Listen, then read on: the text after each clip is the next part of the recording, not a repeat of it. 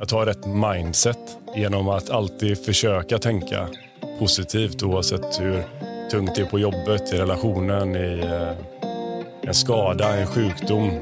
Liksom, det kommer bli bättre. Man har aldrig misslyckats för man har gett upp. Så ge aldrig upp.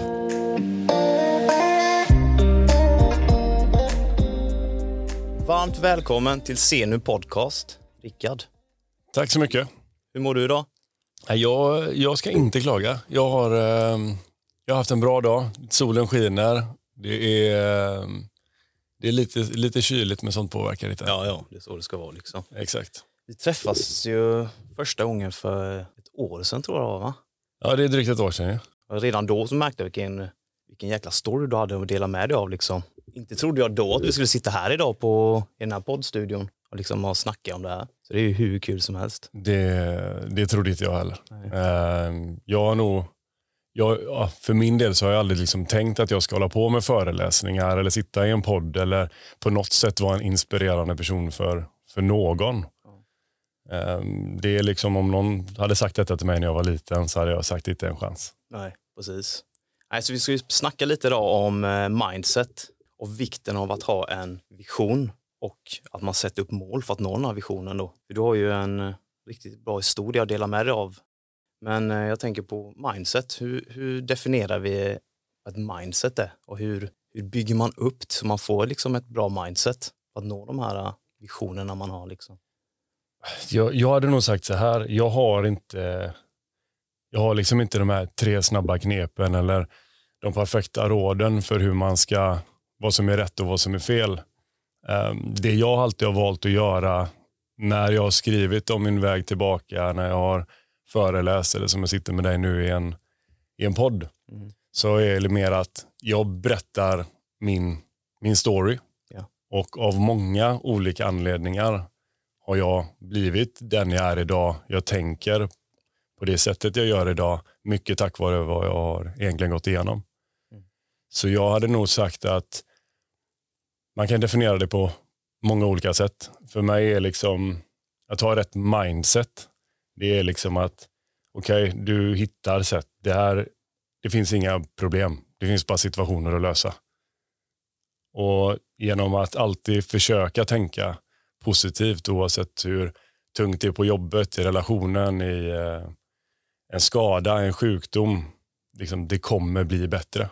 Jag har varit väldigt duktig på att se långt fram. För att alltid ha det här visionen längre fram. Hur bra det kommer vara. Så oavsett hur tungt det är nu och vad du går igenom så är det, brukar jag liksom skydda mig bakom att "Nej, men det, det här blir en bra story. Alltså, det spelar ingen roll hur, hur liksom tungt, tungt det är person, ja, just för stunden utan eh, jag kan hela tiden alltid hitta sätt att det kommer bli bra. Och Det har hjälpt mig fruktansvärt mycket. I eh, allt från jobbsituationer eh, till som vi kommer att prata om, min skada och, och olycka som hände. Och, så att eh, jag har inte ett direkt bra svar på vad är mindset. Nej, precis. Och det är som du säger, att istället bara för att se problem, eller man har ett problem, så ser man bakom problemet, liksom man ser en lösning på det. Och sen för att ha ett bra mindset så måste man ju tänka positivt. Ha det med sig hela tiden bara för att lösa problemet och kunna se nya lösningar hela tiden då. Så det är ju, det är ju klockrent liksom. Det här som vi tänker gå in på lite här nu då, du har ju, ditt liv vändes ju upp och ner där för x antal år sedan, där du hamnade i rullstol då. Och du tog, du lyckades ta dig från rullstol upp till att klättra på Kilimanjaro och du hade sprungit lopp och liksom och gjort en jäkla massa häftiga saker efter det. Jag tänker på, kan vi inte gå in på lite, hur var du, hurdan var du som person innan det, detta hände liksom? Hade du det här mindsetet då liksom, eller har det utvecklats efteråt? Där sätter du ju liksom hammaren på spiken lite. Det har väldigt mycket om eh, vem man är innan eh, och vem, eh, vem man kanske har varit och vem man har blivit. Eh, det grundar sig väldigt mycket i hur du kanske tar dig igenom svårare situationer sen.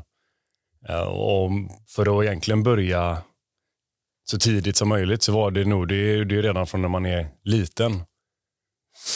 För nu, de som känner mig idag och de som träffar mig idag tänker liksom, oh, jäklar vad utåtgående, pratar mycket, kan ju nästan inte hålla käften nästan. Så att det blir, att jag säger då när jag var liten och hade inte så mycket polare, superförsiktig och jätte, jätteblyg. Så är det så bara, nej men vad, det tror ju ingen på. Men jag menar hela min uppväxt och kanske fram till jag var 15. Jag gick liksom och slickade väggarna i, i korridorerna i skolan. Jag, var inte, jag hade inte sagt att nödvändigtvis att man var mobbad eh, eller utstött så, men jag kände mig, jag tillhörde aldrig något. Jag, jag kände mig alltid lite utanför. Och det var väl minst lika jobbigt som de som de fysiskt kanske hackade på. Men jag har aldrig varit den coola grabben i, i skolan till exempel. Mm. Jag var inte bara liksom, kände att jag var utanför, jag var också jävligt rutten i skolan. Alltså som matte, svenska, engelska, det hade jag i IG fram till jag gick i, i åttan. Jag gick specialklass för att lära mig liksom vanliga, vanliga klockan. Så att det var så här, Förr kallade de det för obsklass. Man fick, ja. jag, jag var, gick inte i obsklassen, men jag fick vara med på vissa lektioner. Okay. Så det var, jag var någonstans i ett, i ett läge, jag visste aldrig riktigt vem jag var, vad jag ville. Utan jag gjorde bara som alla andra gjorde. Man spelade fotboll för de coola grabbarna gjorde det. Men så smög man undan och så gick man på scouterna för att det var det man gillade. Mm. Men det var inte coolt. Man såg vad, vad alla hade på sig och häftiga grejerna som inte jag kanske hade råd med eller kunde få. Liksom. Eh, men, men det var det som, så världen var ju så liten, det var så liten bubbla. Och jag kan tänka mig att växa upp idag är ju hundra gånger svårare. Nu är du liksom ett klick på telefonen ifrån och jämföra det med resten av världen. Där Precis. jämför vi oss i en liten skola med varandra. Precis. Det var lite, alltså det är lite som, lite på gott och ont, det där med man växer upp idag med social media och man kan bli vilse. Men jag tänkte då när du växte upp, du var ju mer introvert som person och försiktig, men var du lika aktiv i sporter? Liksom klättrade du mycket då? Nej, jag var nog, jag var nog mer nörden. Alltså jag, jag blir väldigt fast i saker och ting som jag tar mig an och är enspårig på det. Liksom. Mm. Eh, framförallt när jag var mindre. Jag kunde ju sitta inne en sommar och spela Playstation. Och så som sagt, hade man inte så jättemånga polare, men, men ändå, desto äldre jag blev, desto mer började man liksom ta för sig och, och, och testa på. Då. Så jag hade inte nödvändigtvis sagt att jag var superaktiv när jag var, när jag var mindre. Men det var någonstans där man, jag bestämde mig själv. Att det här är ju inte, det här är ju inte så kul. Det händer inte så mycket. Och jag kände ju att jag hade, jag hade så mycket inom mig som bara skulle ut. Men jag visste inte på vilket, hur, på vilket sätt jag skulle hantera det och hur jag skulle uttrycka det. Så det jag gjorde var, jag tror jag bestämde mig där någonstans när vi åkte, vi åkte på vår första utlandsresa. Och så är vi i eh, Turkiet. Och så sitter jag där på brassestolen, lillebrorsan, han var bara 14 då och så föräldrarna liksom och vi, jag sitter liksom på, på kanten av den här brassestolen och sitter bara och funderar och bara tycker att vem är jag? Vad är jag på väg? Och Det är ganska sjukt att säga när man är så här, typ, vad kan jag ha varit, 16 där någonstans. Och bara sitta och grubbla på livet så när man egentligen bara ska köra på. Men jag, var, jag tänkte mycket när jag var liten. Mm. Och då, då sitter jag där på den här kanten och funderar. Liksom, det är inte så kul. Jag har inte så mycket polare. Jag hänger inte med. Liksom, det händer inte så mycket. Jag gör, vad är jag på väg? Vad vill jag? Och så ser jag två tjejer som sitter vid poolkanten. Och så tänkte jag där och då bara att okay, de känner inte mig. De vet inte vem jag är. Jag kan vara vem jag vill nu. Och så gjorde jag bara en chansning. Jag bara ställde mig upp. Så gick jag fram, satte mig emellan dem och så hälsade jag. Tjena, tjena. Och det förändrade allt för mig. Bara att våga ta det steget, gå fram till främmande och så två tjejer dessutom. Då kom jag, lilla 16, och var 23-24 från, från Norrköping. Och vi bestämde träff nere i, i baren på eh, senare samma dag. Och så visade de hur man är ute och partar och vi, vi gick och dök och vi gick på sån här hammambad och allt vad det fan det var. Det var alltså så jävla häftigt. Så var vi borta där i, ja, det var väl två veckor. Och jag kommer hem och det är samma veva där när du börjar liksom välja skola och du kommer till en ny skola. Jag använder det igen. Jag kommer till en ny skola, ingen vet vem jag är, ingen känner mig. Det är upp till mig vem jag vill vara. Så jag började ju köra på det. och bara liksom hälsa på vem som helst, lära känna alla, haka på, börja säga ja till allt. För jag var ju så här, jag var ju sugen på livet. Jag, inte, jag känner bara att jag inte har gjort något. Nu kan jag göra allt och det är upp till mig. Så det var ett, ett uppvaknande som förändrade mig fullständigt. Okej, okay. alltså, vad häftigt. Och det, det har jag ju tagit med mig. Och idag, jag har fortfarande väldigt mycket ödmjukhet. Jag ser väldigt mycket. Jag kan se när någon känner sig utanför. Man vill gärna ta alla under sina vingar och hjälpa alla att lyfta dem och hitta det här du kan också. Mm. Det, är liksom, det är du som väljer. Mm. Och Det är en stor del som jag gärna delar med mig av, mer än av vad häftigt det var. Och, alltså från att bryta ryggen till Kilimanjaro. Men det hade jag aldrig gjort om inte jag hade gått igenom de här de första åren heller. För det där byggde ju någonstans mig som person. Det är upp till mig. Det är, det är jag som bestämmer. Jag ska gå min väg. Så från att halva livet då göra som alla andra till att nu resten av tiden så vill jag bara, jag går min väg. Säger du höger så går jag vänster bara för att. Jag vill testa. Jag älskar att vara utanför min comfort zone för det är där man växer. Det är där man lär sig. Det är där man bygger liksom nya, ny kunskap och lär sig om sig själv. Ja, och att du då kan vara, börja med dig själv. För du måste vara trygg i dig själv om du ska orka och klara och sätta dig i de situationerna hela tiden. Men det har jag ju absolut all, inte varit hela livet utan det har ju tagit mig många år att bygga. Mm. Det har ju format dig till den du är idag. Liksom. Ja. Hade du inte varit så introvert som du var på den tiden och så försiktig så hade du aldrig hamnat i dina tankar och tänkt efter liksom och börjat bygga från grunden. Det var det som gjorde dig. Du började skruva på ditt mindset redan då liksom. Du satte dig i obekväma situationer och kände liksom, du skruvade lite här inne och bara wow, fan så där funkar ju liksom. Istället för att se rädslan i situationen, liksom, fan nu kommer jag göra bort mig i den här situationen och så såg du istället en lösning då. Mm. Det är ju sånt är sjukt häftigt. Ja, det, det är bara för att jag vågade liksom ställa mig upp första gången och sätta mig mellan de här mm. två. Alltså det är en det är en stor milstolpe. Så det är mycket av det gamla har jag nästan förträngt och bara plockat med mig det, ja. det positiva. Men, och det är ju framförallt ödmjukheten därifrån som mm. jag har med mig idag som jag känner när, när man ser någon som är utanför eller någon som inte passar in eller alla ska med. Ja. Jag tänker, det var ju skoltiden här nu då, som vi pratade lite om. Jag tänker så vi går in på lite på vad som hände precis ögonblicken innan den här olyckan hände här då. Mm. Så vi tar några dagar innan och sen fram till olyckan när det här smällde till. Eller vad var det som hände? Var, varför bröt du ryggen? Det var, det var ju en ren och skär klätterolycka egentligen. Och, då, och det är ju en sak som jag heller aldrig hade egentligen gett mig in på om jag hade varit mitt gamla unga jag. Utan när du börjar säga ja till allt och testade dig fram och gjorde en svensk klassiker och du sprang lopp och eh, började testa varenda aktivitet och, och, möjlighet som fanns så kom jag ju till det här med klättring. Mm. Och det gav mig väldigt, väldigt mycket. Det var ju liksom en samhörighet. Vi klättrade varje, jag jobbade i Norge på, på den tiden. Eh, varje, vi pendlade så att varje torsdag kom jag hem. Jag hade blivit, jag jobbade som elektriker. Och det var, som sagt, bara för att jag öppnade upp mig och blev en, en starkare person så var det inte så att jag blev bättre i skolan. Jag tänkte bara att okay, överlever jag tre år till så kan jag bli elektriker, då får jag jobb istället för att plugga vidare och så många, många gör. Då, så tänkte jag att ja, men då, då tar jag den vägen. Så var jag uppe i Norge och jobbar. Vi kommer hem varje torsdag. Vi kallar det för torsdagsklättringen. Till slut var vi upp mot 10-15 pers som klättrade varje torsdag tillsammans. Så det var ju liksom våran, det var fristaden. Oavsett hur tuff veckan hade varit eller hur mycket du hade i huvudet så är det så här att du har inte utrymme för att eh, göra eller tänka på något annat när du är i klätterhallen. När du är på väggen så är det 100% närvaro. Liksom. Då, då är det för att, för att lösa den här klätterleden.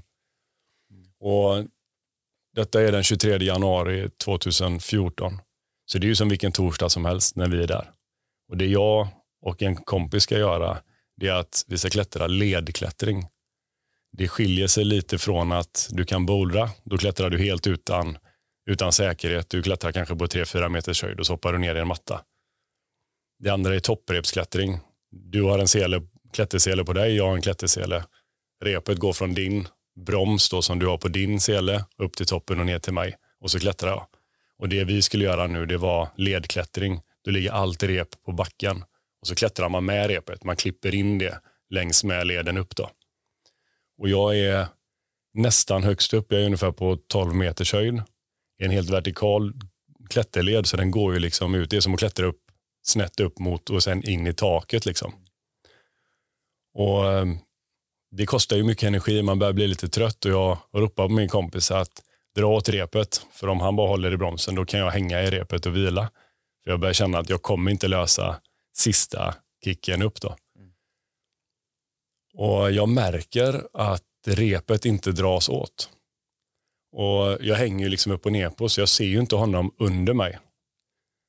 Eh, jag tappar fötterna först så att jag bara hänger så här i armarna. Och då kan jag ju, kan jag ju se ner. Och då ser jag ju bara hur han står med, med allt rep och fullt kaos. Och då jag skriker lika mycket på hjälp som han.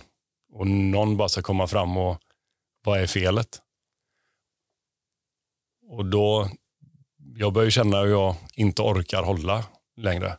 Det var långt upp då. Alltså. Ja, jag, jag är nästan på 12 meters höjd, jag är uppe i taket. Och liksom stirrar ner på honom och ser att det här är inte, han har inte kontroll. Och jag, jag minns bara som sista grej, jag så här, tittar på mina händer. Och eh, till slut så börjar jag ju glida. Och jag tänker bara att antingen fångar repet med eller så gör det inte det. Och så gick det inte mer. Det här känns ju som väldigt lång tid. Troligtvis är det bara några sekunder, men det är som att allt stannar upp. Och fallet, efter fallet så minns jag inte riktigt. Jag vet att jag kraschar rätt ner i backen, landar på båda fötterna först, raklång. Och faller bakåt så att det blir så att jag sätter mig ner. Och Det är också då jag bryter ryggen och faller ner i, i fosterställning. Det, allt det här visste jag ju egentligen inte där och då. Utan den, den sjuka smärta man, man upplever går nästan över i ett tillstånd som du aldrig har har känt. Så jag kan inte jämföra detta med, med någonting annat som, som man har känt. Och eh, Det närmaste jag kan förklara det är att det känns som att du är av på mitten. Jag har liksom ingen, jag känner inte allt, jag vet inte det. Jag svävar i någon, någon slags andrum, jag vet inte hur jag ska förklara det. Och eh, Jag minns att jag ligger i fosterställning. Jag spottar ut liksom snusen och jag ser att en bit av tanden flyger. Jag har bitit ihop i liksom kraschen. Jag, och med tanke på att jag ligger i fosterställning så ser jag ju mina tår. Och jag vickar på dem. Då ser jag också att okay, jag är inte av på mitten.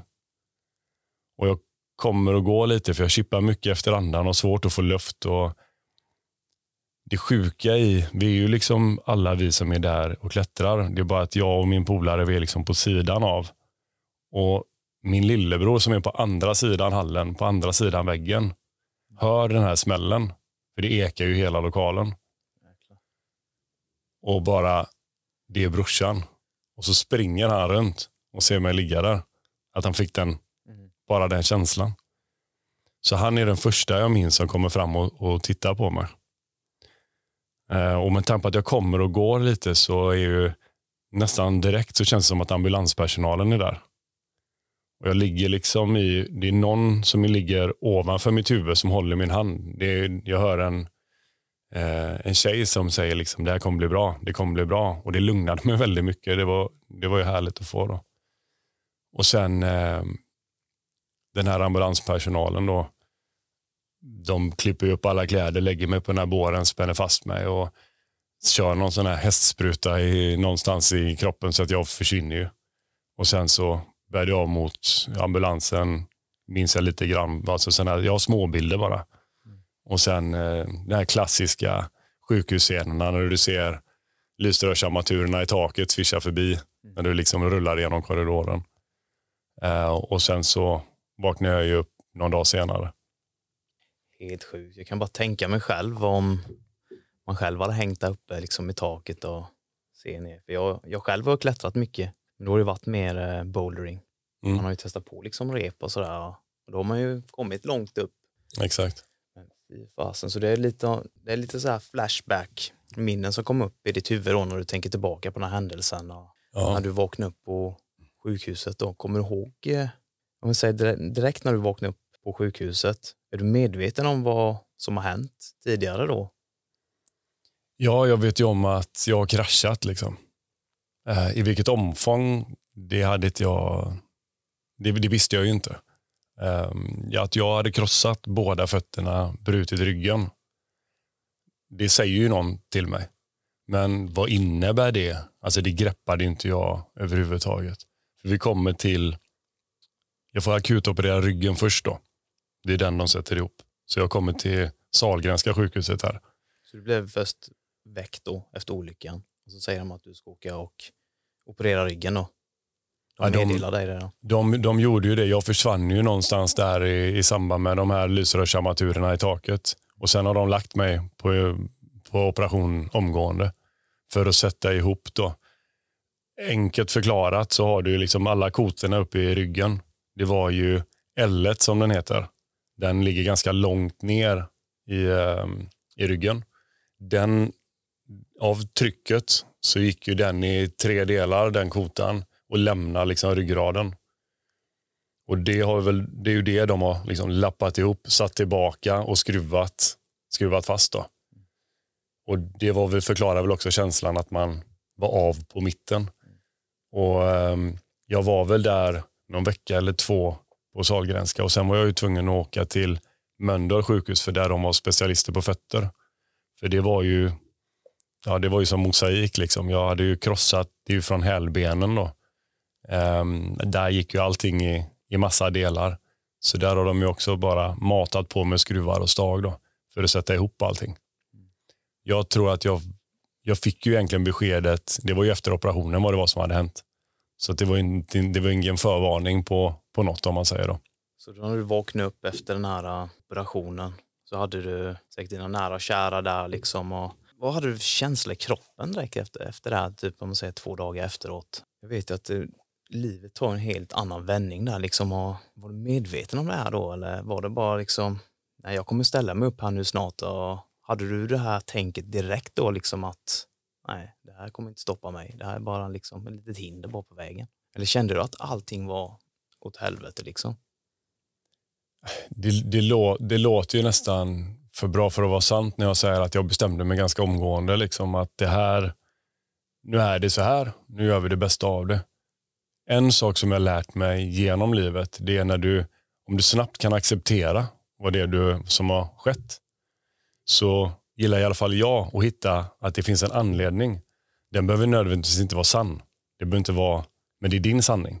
Så om jag hittar en anledning till varför saker och ting sker, då är det också lättare att hantera det. För då har jag först accepterat, hittat anledningen.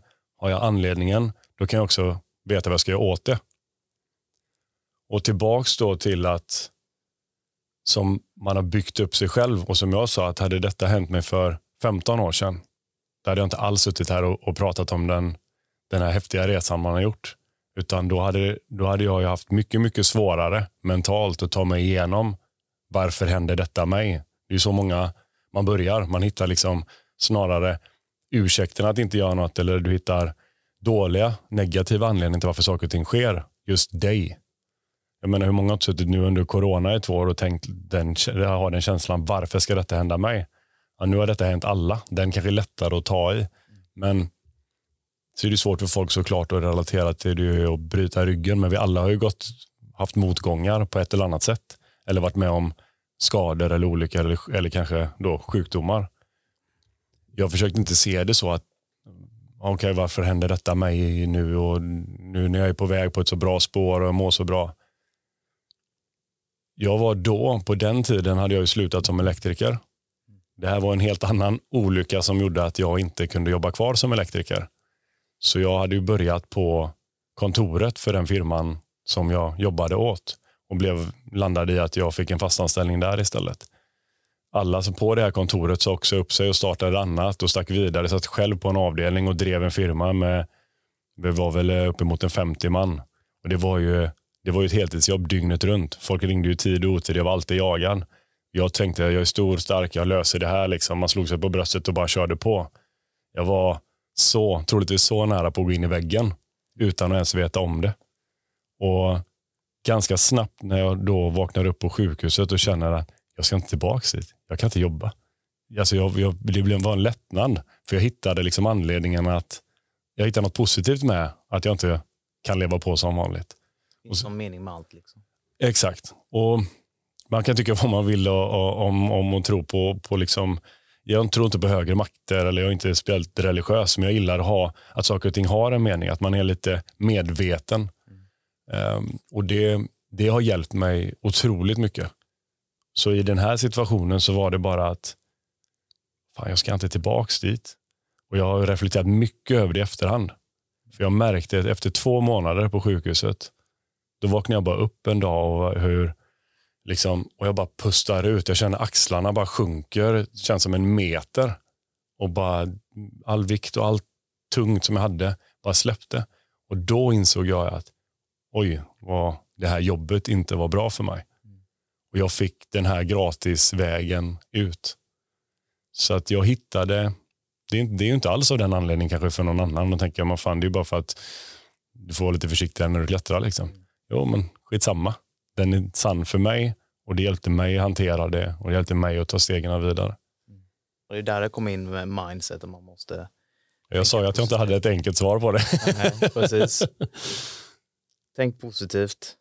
Lös situationen liksom det finns alltid, om vi säger att det finns något negativt framför dig, det finns alltid någonting, du kan alltid vrida och vända och hitta någonting bra med det. Det är så som våran hjärna fungerar. För när man hamnar i de här negativa banorna, då blir man ju låst för allting runt omkring Då finns man, det enda som är fokus är ju det här dåliga då. Exakt. Och när man blir medveten om det, det är då man kan komma vidare i livet liksom och pusha på extra. Men så då, när du blir medveten om det här då, så bestämde du dig för att då ska du nå dina mål. Och du bestämde dig bland annat för att du skulle bestiga Kilimanjaro därefter. Fasen, hur, hur kom du fram till det? Nej, det var, eh, jag hade varit, vad är det, typ två år innan så hade jag varit med, skulle starta ett tebolag fick vi för oss, jag och en eh, kompis från, eh, nere från Skåne. Vi hade mötts uppe i, uppe i Oslo då, när vi, där vi jobbade ihop. Och, eh, vi, hade var, vi stack till Nepal då för att starta det här. Vi insåg att Indiskt te var ju mycket dyrare än nepalesiskt te, men det är ju samma berg. Det är bara en osynlig gräns emellan. Och så sa jag till honom då att ja, men för att göra en teambuilding så måste vi upp och vandra så att vi får kolla på Mount Everest. Så vi vandrade upp till basecamp där och, och liksom byggde ihop under sex veckors tid så härjade vi tillsammans. Av många omständigheter så blev det ingenting vidare av detta och eh, han kommer och besöker mig på sjukhuset.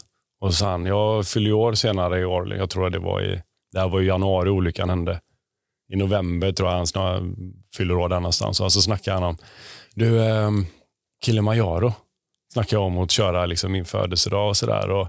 Det hade varit häftigt. Ska, du, ska, ska du med eller? Det peppar mig lite. Och jag direkt bara, ja men jo, det hade varit häftigt. Det, det tycker jag vi gör. Liksom. Jag ska bara, ska bara ta mig ur den här situationen.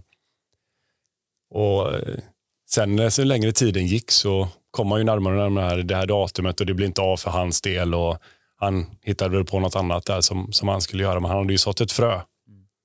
Han hade ju verkligen sått ett frö i mitt huvud att Kilimanjaro var, alltså det är ju ändå ett, det är Afrikas högsta berg och det lät liksom, allting blev så häftigt.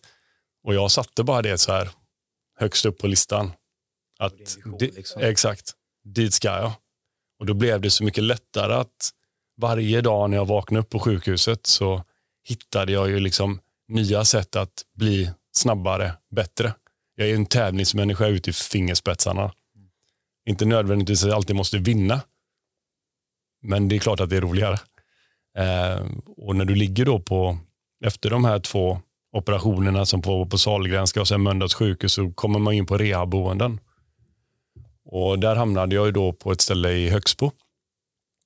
Och de hade ju liksom faciliteterna med med träning, det var poolen det var, och maten och du har liksom allt under samma tak där med allt från psykologer till, eh, till läkare då till rehabpersonal.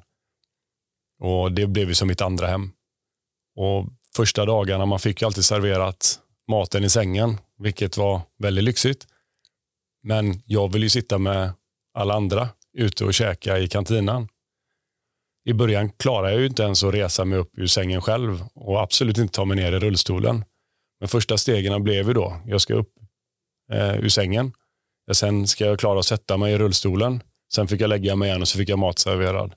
Nästa dag så kanske jag kom upp i rullstolen, jag klarade att rulla ur rummet. Sen fick jag rulla tillbaka, lägga mig i sängen och äta. Och så höll jag på så. Jag jobbade med hela, till slut kom jag hela vägen ut och satte mig i kantinan. Jag kunde bara ta den här munvatten. liksom. sen var jag kallsvettades och skakade så mycket och det gjorde så ont att de fick rulla tillbaka mig. Men jag pushade det så, hela, hela tiden. Till slut så klarade jag att sitta och äta med alla och då var det en seger. Det var liksom, det här är ju bara ett pytte, pytte litet obetydligt mål för många. Liksom. Kanske att du ska bestiga Kilimanjaro, men varje sån liten byggde ju mig hela vägen upp till att, att det var möjligt att börja gå.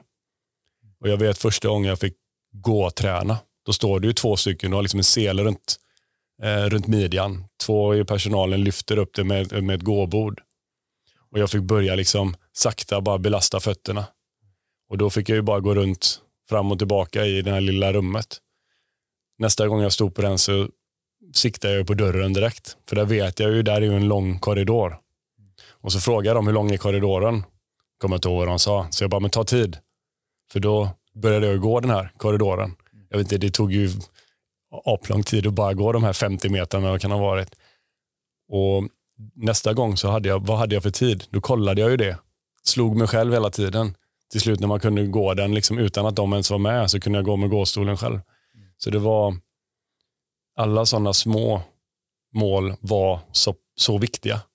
Och det byggde ju liksom även det här, det är möjligt. För du måste ju tro på det. Du måste ju verkligen känna dig själv att det är möjligt. Så oavsett vad någon annan tyckte. Det, alltså det bästa som fanns för mig var ju en läkare som kom in som de gör oftast lite halvstressade med, med liksom sin, sitt block. Och så läser de upp eh, domen kanske och eh, säger några snabba svar så måste de ju pipa vidare. Och så säger de att de vet ju om vem man är då. Man har ju berättat liksom hur aktiv man är och alla sporter och, och allting man håller på med. Och så säger de, ja du ska nog börja leta liksom andra möjligheter. Och det här med i vilket omfång man kommer kunna gå.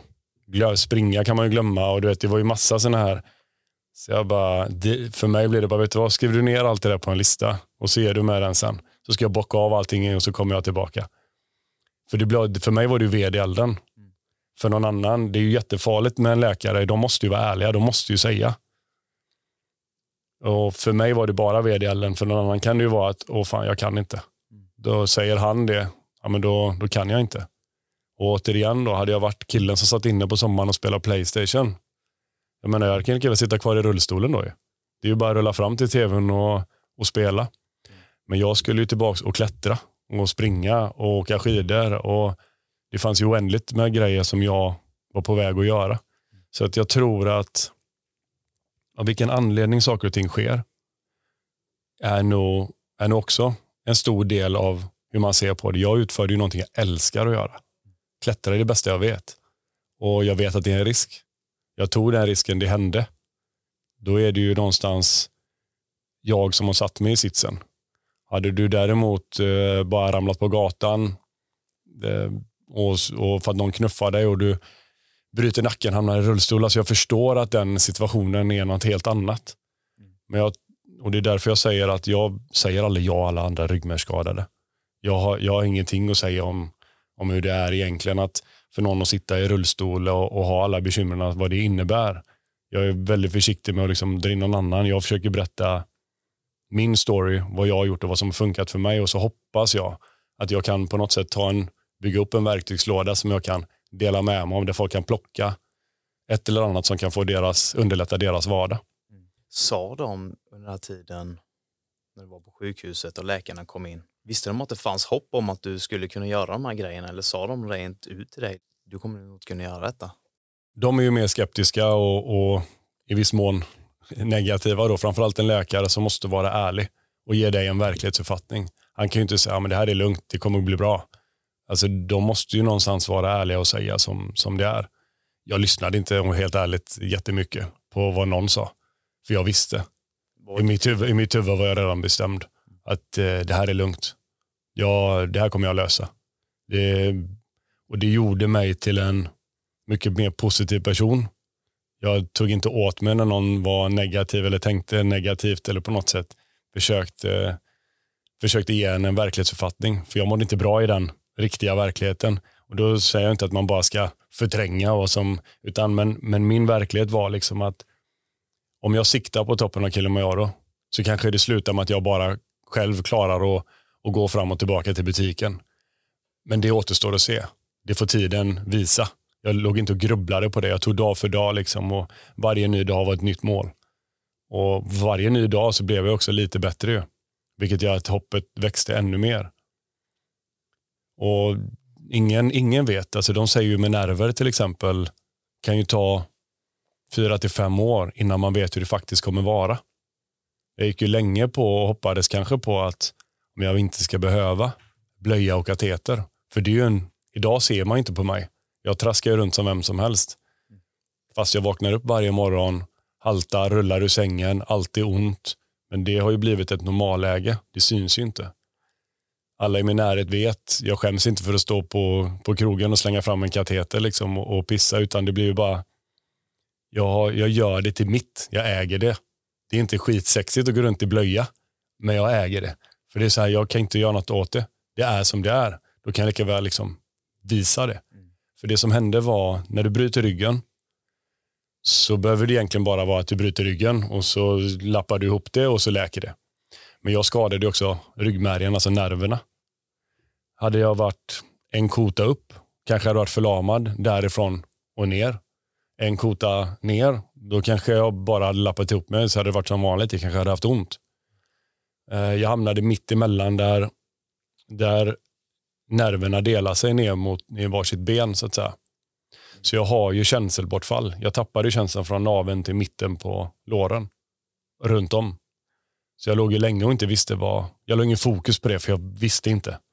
Jag tänkte att det får vi ta sen.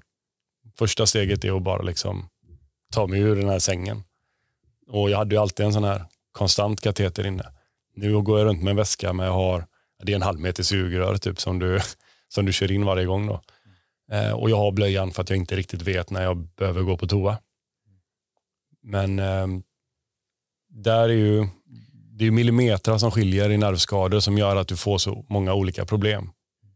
Och jag har, det är det jag säger, jag har väl haft turen i det att jag kan gå men jag har fortfarande problem som någon som kanske sitter i rullstol. Så att, och det beror på, man, man kan vända och vrida på det där hur mycket som helst. Jag brukar akta för mig för att liksom gå in att men tänk positivt så löser det sig. För det, så är det inte för vem som helst. Nej. Det är inte bara liksom att helt plötsligt ställa sig upp och gå. Precis. Och det är häftigt att du har efteråt kunnat liksom eh, normalisera detta istället för att gömma undan liksom och skämmas för det. Och jag tror det är någonstans där i skolan när du var lite så försiktig och fick den här eh, insikten i dig själv. Att du gick tillbaka till det då. Att liksom, varför ska jag gömma undan detta? Liksom? Det, är så, det är så det är idag. Det är så jag kommer leva. Ja. Så varför inte visa, visa det för andra och göra det normalt liksom? Men där, då får du också, jag vill visa hela. Det var så när vi pratade om det här till exempel. Att jag gillar, det ska vara genuint, det ska vara på riktigt, ska väkta. Jag vill säga som det är. Och det var ju som Nyhetsmorgon när jag hamnade, hamnade där. Så det var med Tilde de Paula och Peter Gide. Och så eh, frågade de ju mig innan, vad är det vi inte ska prata om? Och då sa jag det direkt, jag bara, det är exakt det vi ska prata om. Annars är det ingen mening att jag sitter här i tv och liksom ska berätta min story. Jag vill inte bara säga från rullstol till Kilimanjaro. Jag vill prata om blöjor, kiss, bajs, sex, katetrar. Jag bara lyft de frågorna, för det är ju sånt som kommer hjälpa någon som sitter och ser på det här programmet. För det är en sån det finns ju bra och dåliga tillfällen att skita ner sig såklart. Eh, och Det kan ju göra att du har det tillfällen som du, du undviker att gå ut med dina vänner på stan. För att om det händer så är det skämmigt. Och jag körde nog bara på att om fan händer det, då får du gå och svabba rent, så får du gå tillbaka igen. Liksom. Eller som när jag, de började ta med mig ut i rullstolen på, på liksom mina permissioner. Det var liksom enda skillnaden att jag sitter ner och det kan lukta lite konstigt, ska jag med dem. För för mig var det jävligt viktigt att vara som vanligt så jag får känna mig som vanligt. Så ingen behandlade mig annorlunda. Och Det är en stor del av min väg tillbaka. Det har ju varit vänner och familj runt omkring en. Så där är jag ju superglad att man har varit den människa man var innan olyckan. Att man har varit där för alla, hjälpt alla i den mån man själv har kunnat. Och Det visar ju också hur mycket vänner du får genom att du är snäll och givmild. Så det fick jag tillbaka hundrafalt under den här vägen. Kunna gå ut på puben och sen skita ner sig lite så här ibland. Och... ja, jag säger det, det finns bra och dåliga tillfällen. Ja, ja, men, alltså. men just att kunna, att jag kan sitta och säga det då känns så, känns skönt att man har nått dit. För det, det har inte hindrat mig. In, alltså jag har, man har sina begränsningar, det har vi alla på många olika sätt. Jag vill inte att det ska vara en, en mentalt hinder. Där är liksom, nej, skitsamma, jag, jag kör. Jag kör ändå, det får bära eller brista. Det handlar om acceptans som du pratade om in, liksom acceptera situationen. Fick du den här hjälpen från samhället efter och på vägen upp? Liksom? Fick du det här stödet hela tiden och hjälpmedel och sådana här grejer? Ja, jag fick... Eh, alltså svensk, svensk sjukvård är ju i mångt och mycket väldigt, väldigt bra. Men jag tror att det finns en anledning till varför man säger att du, eh, du måste vara frisk för att kunna vara sjuk. Det ligger någon lite sanning i det för att saker och ting kommer inte helt gratis. Eh, man måste jobba lite för det för att få igenom det du behöver. Och jag, bara en sån grej som att vara sjukskriven som man aldrig har varit innan och dessutom från Norge. Så det var ju mycket så här, man satt några, ja, några timmar varje dag egentligen och, och satt och roddade med, eh, med just det här med sjukskrivningar, papper, läkarpapper, du vet, för att få. I övrigt hade jag sagt att jag fick en väldigt bra hjälp. Alltså de akuta operationerna gick ju bra i, på Sahlgrenska. Fötterna lappade de ihop på bästa möjliga sätt. Jag skulle, när jag såg de bilderna så trodde jag inte det var sant. Och rehabboendena var ju helt fantastiska. Det var ju från Högsbo sjukhus till Dalheimers hus som är, ligger i Majorna som också är ett, ett, ett rehabboende. Men det kom inte helt lätt. För oftast är det så i vården att det är ont om platser och de måste prioritera. Och Det, det kommer nya olyckor, nya skador och, och fler folk som ska in och ha de här platserna. Det de pratade på var ju att tillpassa mitt hem. Och Jag bodde ju liksom tredje våningen med loftgångar. Så jag sa det, var, varför ska ni lägga massa resurser på en hiss till mig? När jag kommer gå upp för den här trappan. Ge mig två månader till. Och Jag lyckades få igenom det, så jag lyckades komma från det ena rehabboendet till det andra. Och Då fick jag ännu mer eld i baken, att jag måste bli så bra så jag kan gå upp för den här trappan. Så att jag fick jobba för det, fine, men jag har fått väldigt, väldigt bra hjälp hela vägen. Och även stöttning. Det var som många har frågat sig, man har använt psykolog. Jag fattar inte varför jag inte har bett om psykolog långt innan olyckan. Alltså det är helt fantastiskt det. Du sitter och pratar med någon som helt inte dömer dig, helt oberoende, som inte känner dig. liksom. Och Jag fick frågan när jag låg där på sjukhuset, vill du prata med någon?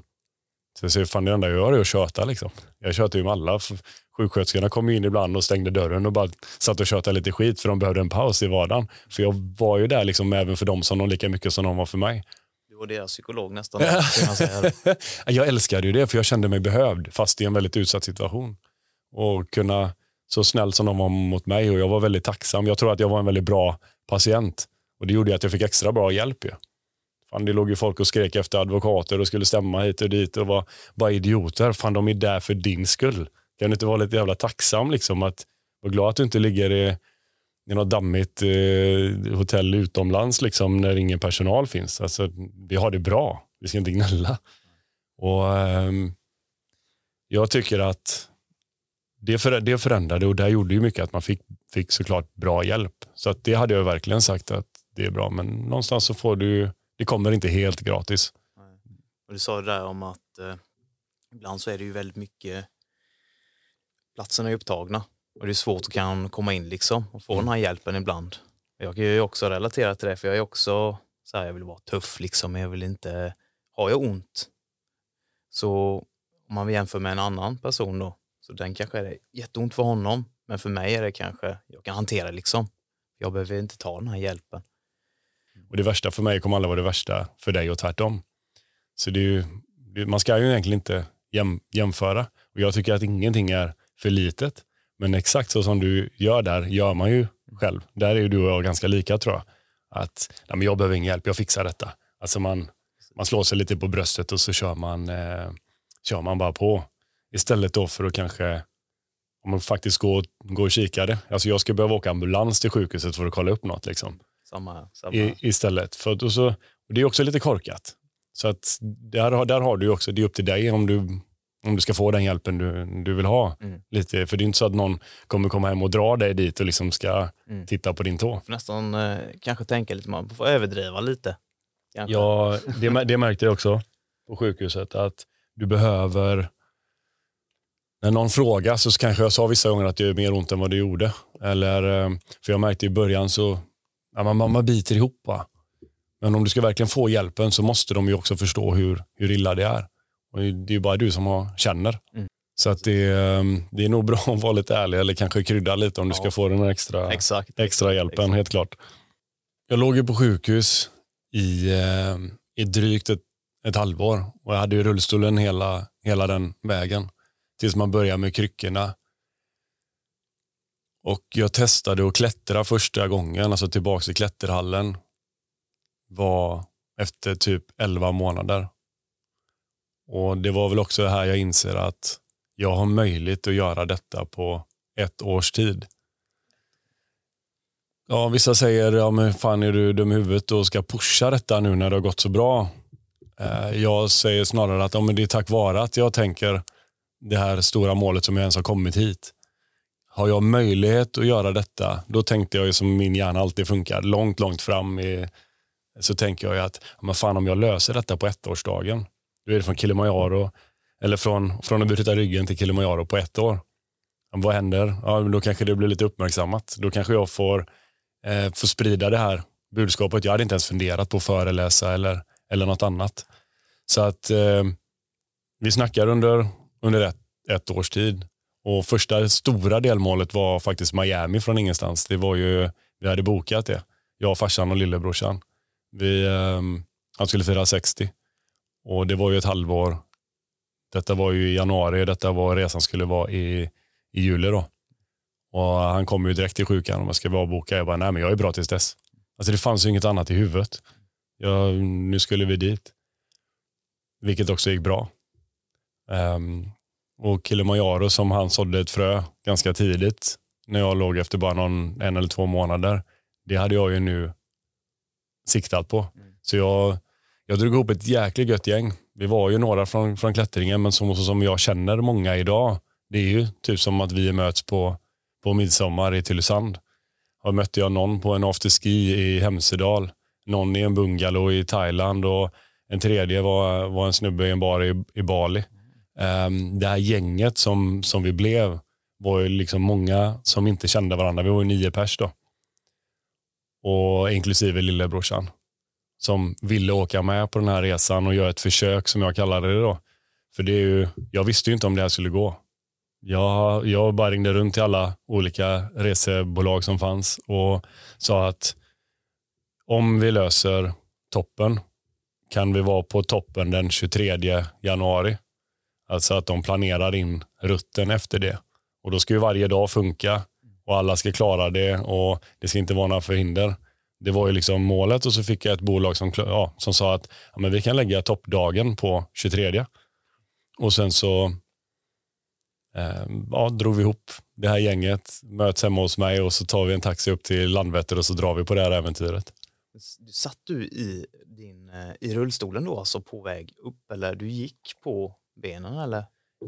Ja, ja, jag hade ju börjat, jag började ju gå och träna då, säg efter ett, lite kryckor kanske med lite Ja. stöd upp. ja, så att jag hade ju, jag hade ju haft, jag hade ju precis egentligen då, när man tagit sig ur rullstolen så hade jag ju kryckorna och jag hade rullstolen. Alltså, jag varvade de två.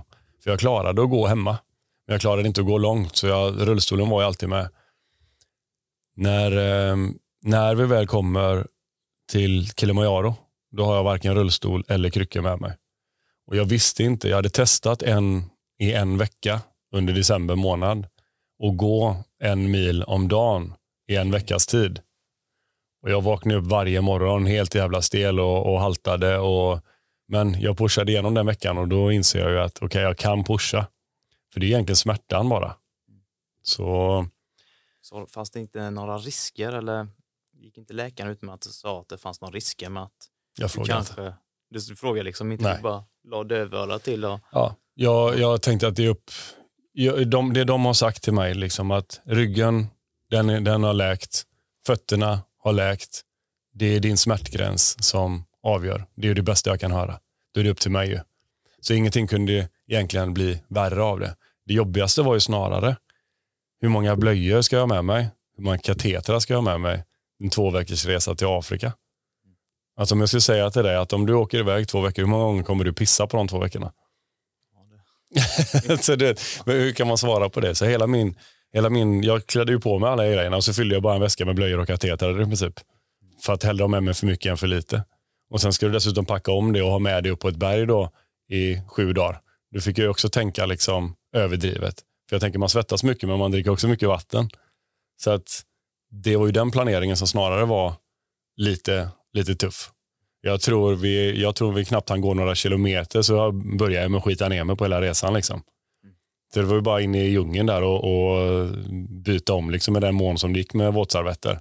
Så det var ju liksom, det var starten av en sju dagars eh, bestigning. Och, eh, men som sagt, för varje dag så tog man ju de här kliven. Det är inte så att du springer upp på det här berget. Och det är inte så mycket fysisk kanske klättring med armar och ben. Det är typ ett parti en dag som är mestadels är ju faktiskt en tung vandring som det blir.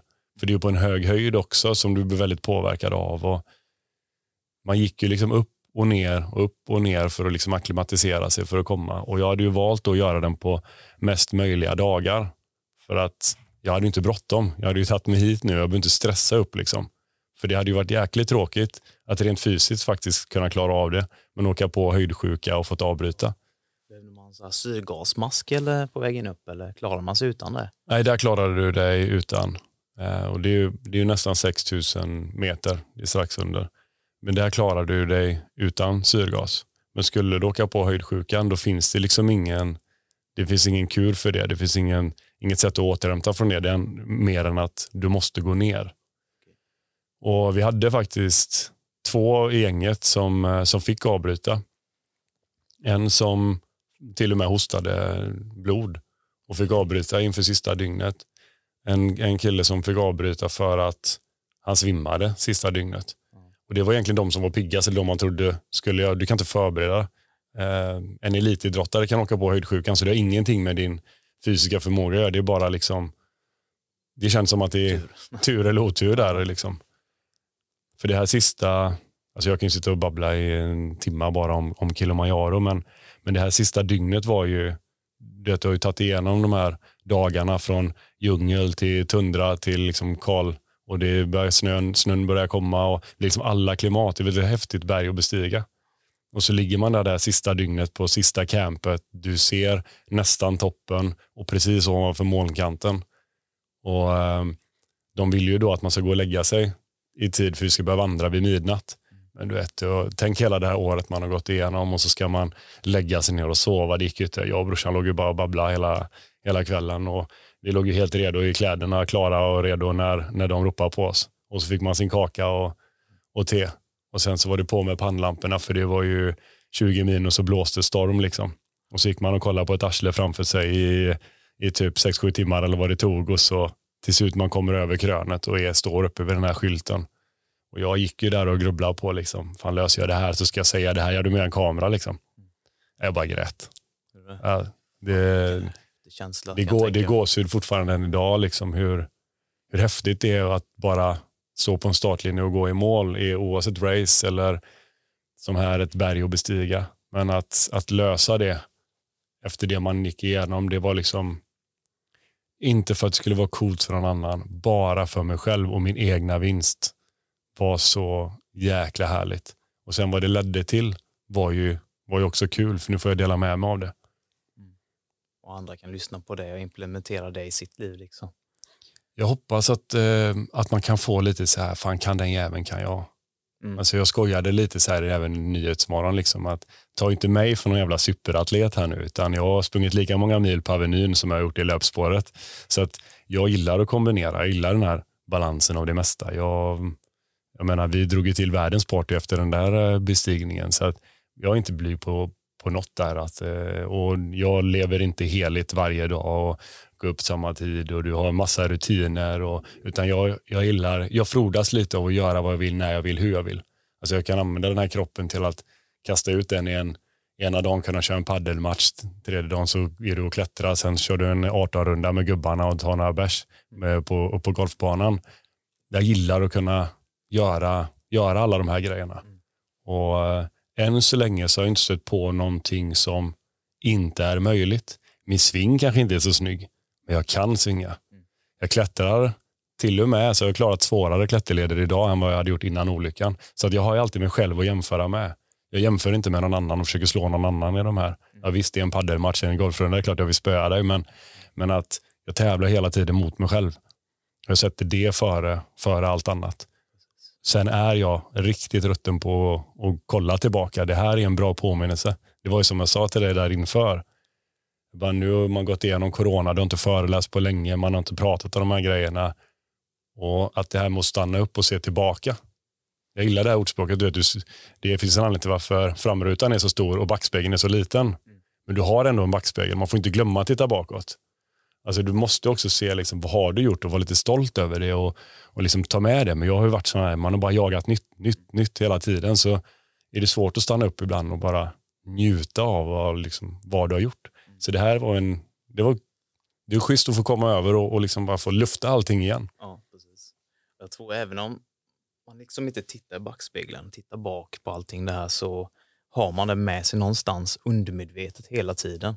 Och det, det ser man ju under de situationerna man tar. Även om man inte tänker på det just vid tillfället, medveten om det, så ligger det undermedvetet hela tiden. Mm. Tror jag någonstans. Ja, och den, du fyller på din ryggsäck liksom, mm. som du bär på. Min är fylld med blöjor och katetrar. Ja. Eh, men den är också en, en jäkla massa erfarenheter.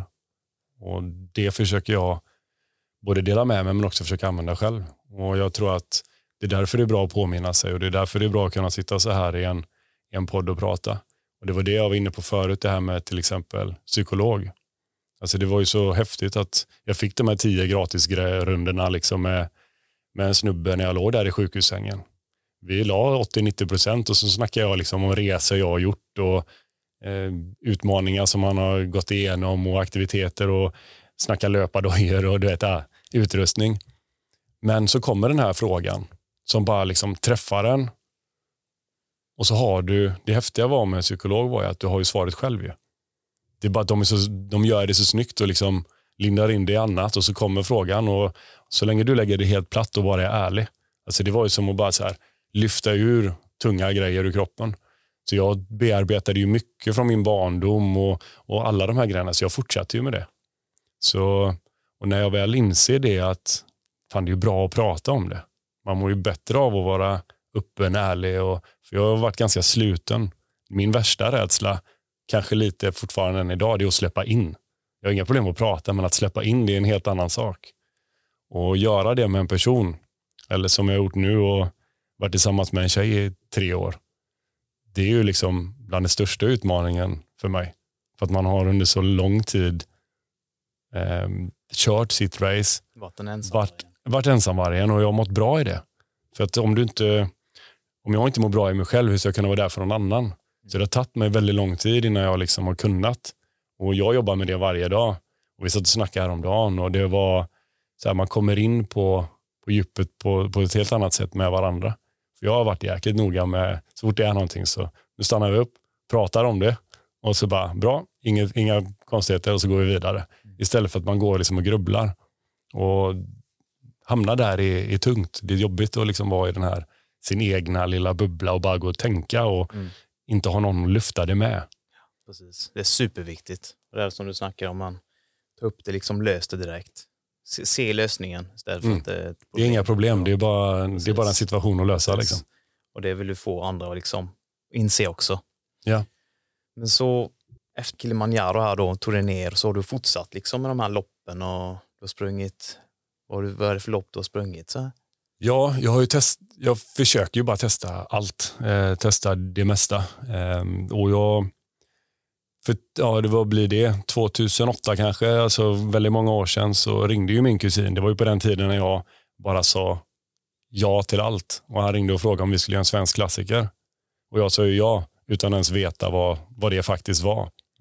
Och eh, Han ringde ju mig några veckor inför varje race. Och jag fick köpa skid, längdskidor, jag fick köpa en ny cykel och en våtdräkt för att simma. Och så här.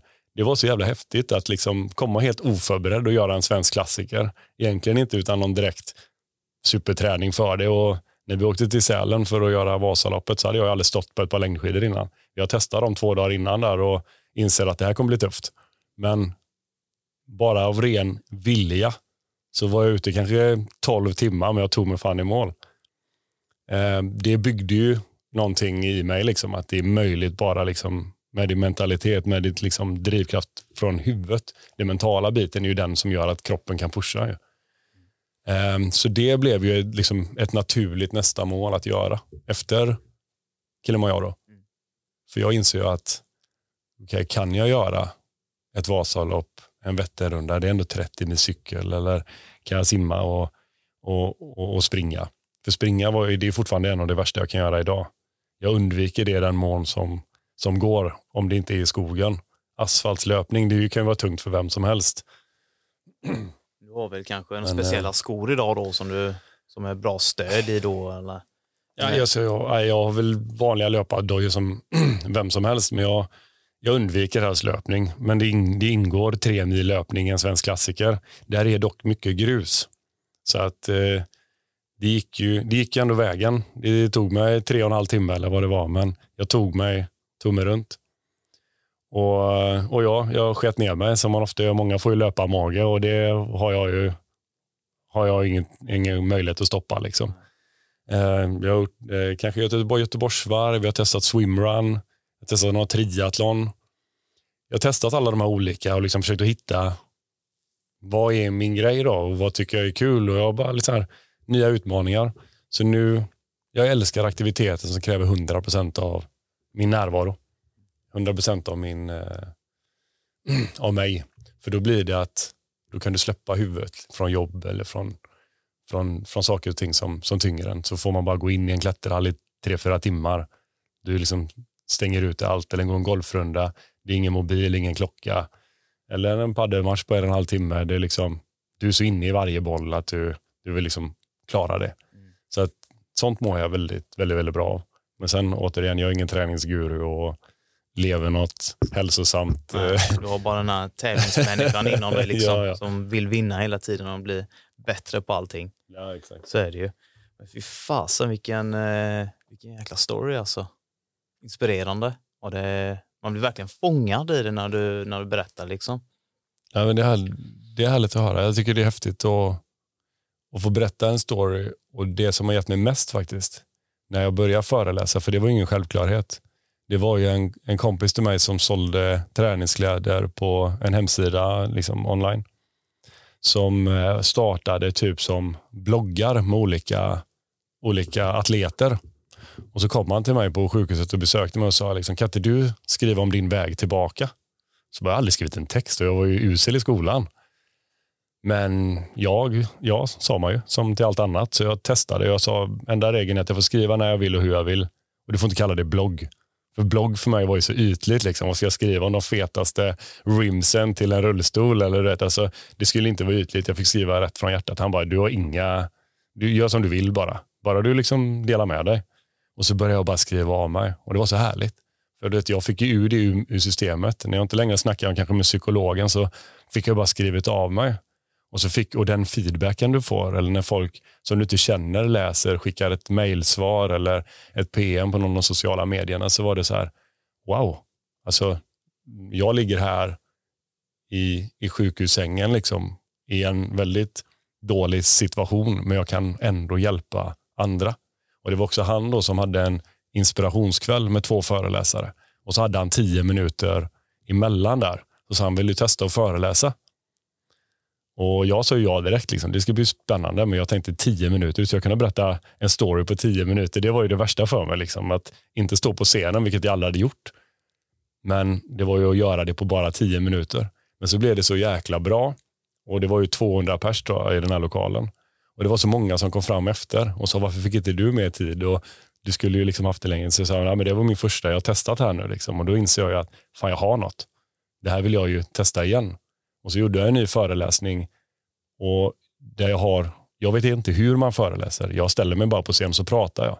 Och jag har inte de tre knepen hur du ska ta dig vidare i livet, utan jag berättar en story precis som vi sitter och pratar nu som två polare. Um, där jag hoppas att man kan plocka ut någonting som man kan implementera i sitt egna liv. Och framför allt det bästa med föreläsningen, det är efteråt. Jag stannar alltid kvar, gärna en timme eller två om det krävs. Och så, så först då börjar man liksom, är det någon som har några frågor? Då hoppas jag bara att en ställer en fråga för då kommer resten. Och um, få, Då knyter du ihop säcken så jävla bra, för du missar ju mycket. Jag har ju missat jättemycket här nu som jag kanske hade velat säga eller inte, men eh, det spelar inte så mycket roll. För att när du har de här frågorna på slutet så då får du svarat på, på allt. Mm. Och sen när folk börjar lämna, då kommer också folk fram. Och så öppnar de sig och så berättar de sin story. För jag har ett genuint intresse till människor. Jag älskar människor. Och Det som inspirerade mig när jag själv låg liksom, i den här situationen och se någon bestiga eh, liksom, Mount Everest, världens högsta berg med två benproteser. Jag menar, fan kan han göra det, då kan väl jag liksom bestiga Kilimanjaro i blöja. Så till viss del är det bra att jämföra sig. Att liksom hitta förebilder eller någon annan som visar vad som är vägen och vad som är möjligt. Annars så tycker jag inte man ska jämföra sig så mycket utan man ska vända sig inåt och liksom gå sin väg och känna vad som är rätt. För du har ju magkänslan och med tiden bygger du upp den och det som känns rätt, det är ofta det som är rätt. Intuitionen liksom. Exakt. Exakt. Känsla. Så inspirationen för allt det här, det var att följa en del kanske idrottare då som varit med om liknande saker då och du såg att de kunde göra detta, då fan kan jag också göra det liksom. Ja men det har nog, det har nog inspirerat mig eh, omedvetet innan. Alltså jag har alltid dragits till dokumentärer och verklighet liksom, och se vad, vad vi människor är, är kapabla till att göra. Vad som, vad som är möjligt. Och jag vill ju veta min gräns. Jag vill hitta liksom, var tar det stopp? Och jag har inte hittat det än. Jag vet inte vad som är stopp. Och Det kommer också göra att man fortsätter liksom sträva framåt och jaga liksom nya utmaningar. Jag, skulle inte, jag är lite sån som person. Jag är, aldrig nöjd. Liksom. Jag vill hela tiden sträva efter någonting bättre hela, hela tiden. Liksom. För om man skulle komma till den punkten där man är bäst och man är nöjd, och försvinner lite det här drivet. Exakt. Men visst är det bra, man ska stanna upp, man ska ha kul på resan, njuta. Precis som du gjorde när du gick upp för berget och såg den här vyn och gått mm. upp, liksom, och tagit igenom allting och, och så bara släpper lös. Så det, så det är viktigt, stanna upp ibland, njut av livet. Liksom. Där, där har jag mycket att, att lära. Jag är långt ifrån alltså, perfekt, kan jag verkligen säga. Att just det här med att stanna upp och njuta. Jag kan vara avundsjuk på vissa som kan sätta sig ner i en soffa, luta sig tillbaka och känna ett lugn. Jag, jag har inte riktigt den förmågan, jag jobbar på det. Men det, det, det och tålamod är liksom något som jag... Eh, alltså det här med att ha rätt inställning och vara positiv, där ligger inte bekymret. Det är tålamodet som också krävs för att ta det igenom allt det här. Så är det ju tålamod. Det går inte på en dag. Och Det är det jag har slitit mest med. Liksom, att fan, Jag kom bara dit idag liksom, och så längtar jag bara till nästa dag för jag vill utmana det igen. Och man, eh, så att där, har jag, där har jag mycket att lära. Mm. Just det här med att kunna stanna upp, njuta lite också. Ja. Så återigen det här med backspegeln, titta tillbaka, kunna liksom njuta och faktiskt vara stolt över det du gör och inte alltid bara jaga och jäkta på. Men å andra sidan, vad är rätt och vad är fel här? Jag, det tar ju mig framåt, jag mår ju bra av det så att jag vill ju helst inte ändra på något som, som känns rätt. Nej. Man kan ju justera lite sådär, det ska man alltid göra liksom. Och det mm. tänker jag att eh, det ska man göra. Men så nu idag, eh, du lever fortfarande, du har vissa lite bekymmer om man kan kalla det så. Men du kör på och det fungerar. Och hur har det fungerat nu under eh, coronatiderna? Och, för nu vet ju både företag och personer har ju varit jäkligt mycket drabbade, liksom, fått en Jamen. smäll. Och då har du kunnat använda det som du har fått tidigare mm. implementera det idag för att kunna lösa vissa situationer och sådär. Så hur ser det ut idag? Jag tror eh, för mig personligen så det jobbigaste med, med corona var att det var ju också någonting som du inte kan påverka. För jag brukar säga det att liksom, lägg fokus på det du kan påverka. Är det någonting som du inte kan styra över så varför, var, varför liksom lägga sin energi på det? Och Där pendlade jag mycket. Alltså det här corona var ju också under så pass lång tid. Det tar ju bort mycket av det som kanske boostar en. Som att, jag älskar att resa, jag älskar att träffa människor. Det är framförallt kul att stå på en scen och inspirera och få höra deras stories efteråt. Så att mycket av det som jag frodades av försvann ju. Eh, men jag, har, jag lever ju inte på föreläsningar idag utan det är ju någonting jag gör för att jag mår väldigt bra av det. Jag älskar det liksom och jag tycker det är, är, är kul. Det, jag, det vi gör är att jag driver ett företag uppe i, uppe i Oslo idag. Det är, så är man, är man svensk eh, elektriker och vill jobba i Norge, då ska man kontakta oss. Och vi hade ju 60 anställda, lite över 60 anställda när corona kom. Och det gick ju helt okej okay första året, för byggbranschen stannade ju inte upp. Det, var ju, det behövdes ju fortfarande jobbas. Och eh, Det var ju bara mycket med regler och hur många man fick vara i, vilka, ja, i lunchrummet och det fanns ju liksom restriktioner på allt. Det värsta för oss var ju när Norge bestämde sig för att stänga gränsen. Att driva en business med 60 gubbar som ska över en gräns som är stängd, den, det är inget bra.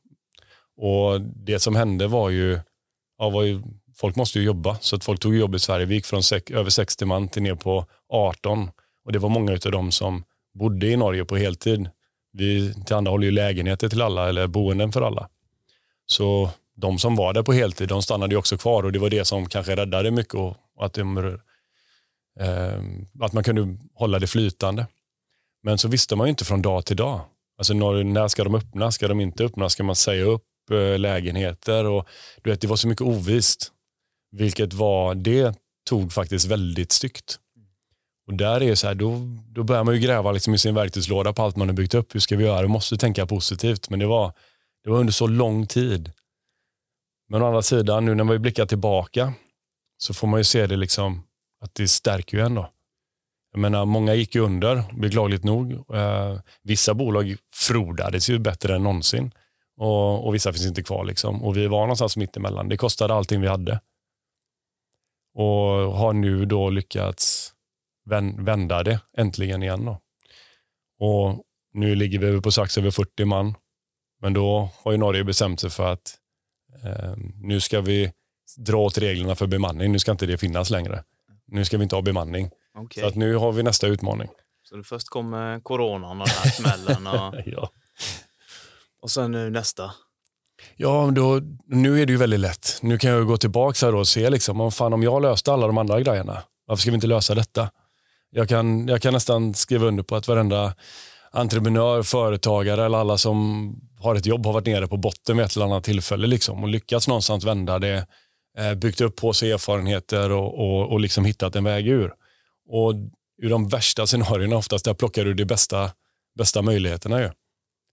Och nu, nu ser det ut som, nu kan inte jag säga mer än att vi har en lösning på detta. Och det kommer kunna bli att vi kanske kan bli dubbelt så stora och växa ännu mer. Medan andra inte kommer, kommer fixa det. Om du bara liksom skruvar, vänder, vrider, hittar liksom den, den där möjligheten. Vad kan vi göra på ett annat sätt då? För att det är farligt och det händer ju mig med. Du vet när du hamnar i det här, ja, du bara, det flyter ju.